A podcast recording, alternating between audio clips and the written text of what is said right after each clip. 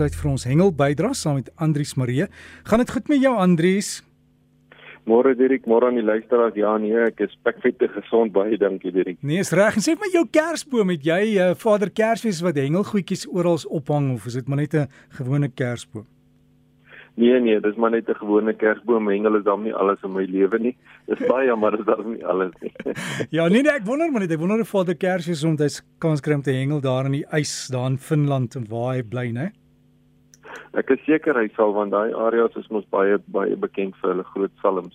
So hy yep. sal definitief daar 'n draai maak. Jy het vir ons hengelnuus, wat gebeur in Suid-Afrika? Ja nee, direk so met die vakansietyd wat nou voor hier voor ons voortoe lê, uh, is daar baie goeie nuus vir die hengelaars. Ehm uh, feitelik reg oor die land is die vangste tans baie goed. Alhoewel ons land nou heelwat reën gekry het en baie van die vangste in die laaste week het in die reën plaasgevind, natuurlik is ons baie dankbaar daarvoor wat die vangste nog steeds baie goed alhoewel die ouens so in die natheid moes gestaan het. Maar ja, vandag se hengelnuus begin heel wat verder hier van my wêreld af. Dis daar aan die kus van Namibië waar Suid-Afrika en uh, Namibië se rots en strand hengelaars teen mekaar deelgeneem het die afgelope week. Nou uh, hierdie kompetisie is uh, bestaan uit die top hengelaars, so dis die Protea spanne van Suid-Afrika wat teen die nasionale spanne van Namibië gehengel het. Ja, soos uh, ouer gewoonte is die kompetisie baie stram tussen die twee spanne. Die manne kyk mekaar maar kwai aan as hulle daar by mekaar uitkom, soos goeie vriende. Nou direk die spanne het langs die kus gehengel daar in die omgewing van myl 8 en myl 14 en myl 17 daar by Henties Baai area uh, wat baie bekend is onder die Rotsstrand hengelaars.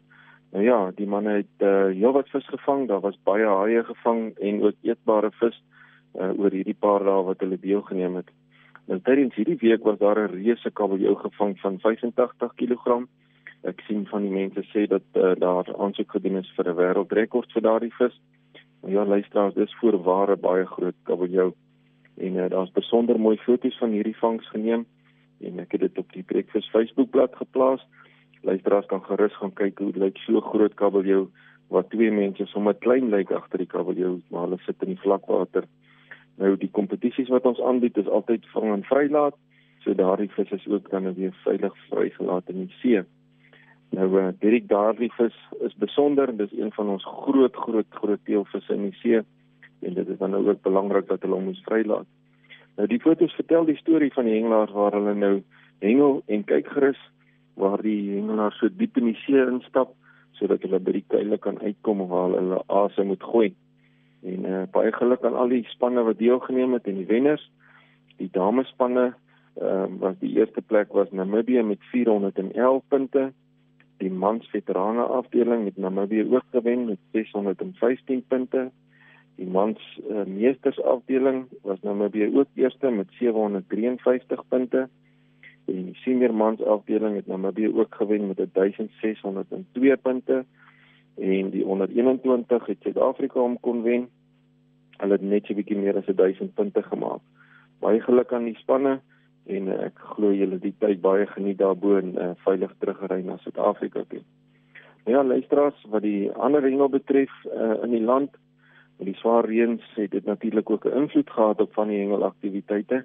Die Promenia finaal wat verlede naweek uh, by Valdam was, kon iemand uh, my hengelaars vir 2 dae gehengel het, maar ongelukkig was die finaal vir die individue kontinent nie plaasgevind het uh, die laaste dag nie.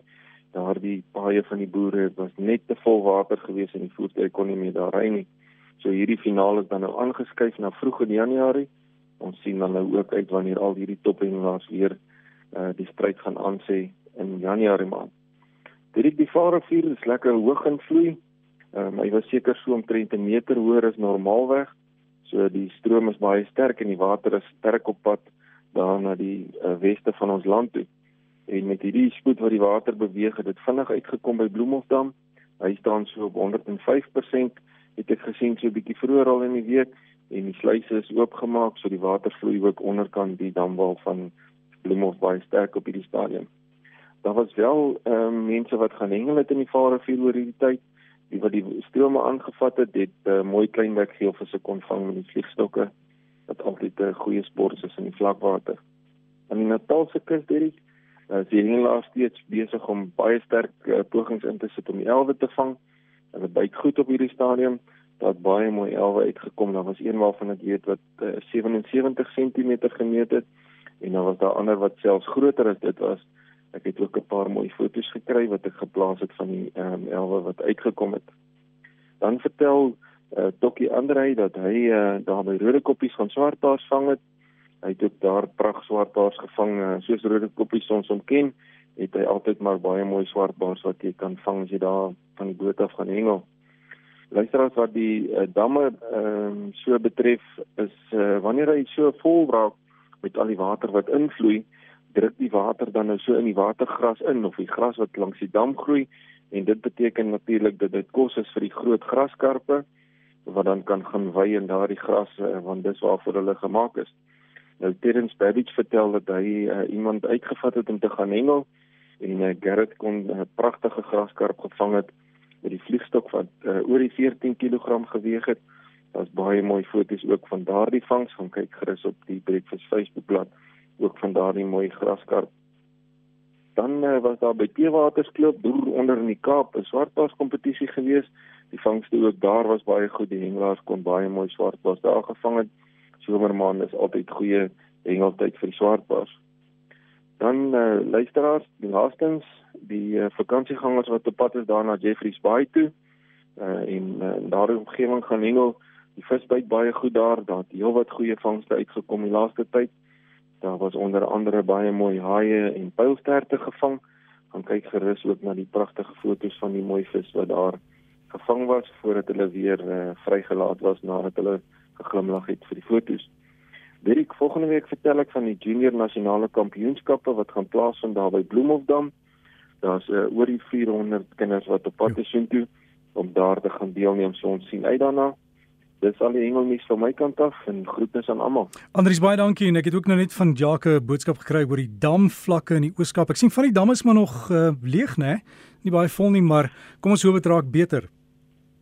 Ja, dit is ongelukkig daai Ooskaap gedeelte het nog nie van die swaar reën gehad wat uh die, kan ek maar sê die vloede veroorsaak dat die water kan afloop na die damme toe nie.